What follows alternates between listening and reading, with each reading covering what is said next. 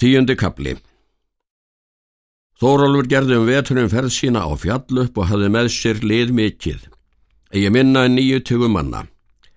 En áður hafði vandi áverið að síslumenn hafði haft þrjátugum manna en stundum færri. Hann hafði með sér kaupskap mikinn. Hann gerði brátt stefnulag við finna og tók af þeim skatt og átti við þá kaupstefnu. Fóru með þeim allt í makindum og í vinskap en sumt með hræðslu gæði. Þórólur fór víða um mörgina, en er hann sóttu austur á fjalli spurði hann að kilvingar voru austan komnir og fóru þar að finnkaupum en sumstaðar með ránum.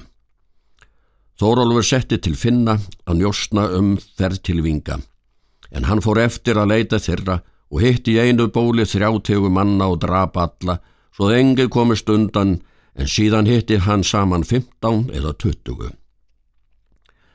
Alls drápuð þeir nær hundrað manna og tókuð þar ógrinn í fjár og komu aftur um voru við svo búið. Fór Þórólfur þá til búsins á Sandnes og sat þar lengi. Um voru let hann gera langskip mikið og ádreka höfuð. Let það búa sem best og hafði það norður með sér.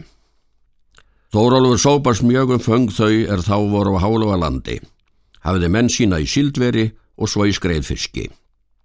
Selver voru og nóg og eggver. Let hann það allt að sér flytja. Hann hafði aldrei ferra freilsingja heima en hundrað. Hann var örmaður og djöfull og vingaðist mjög við storminni.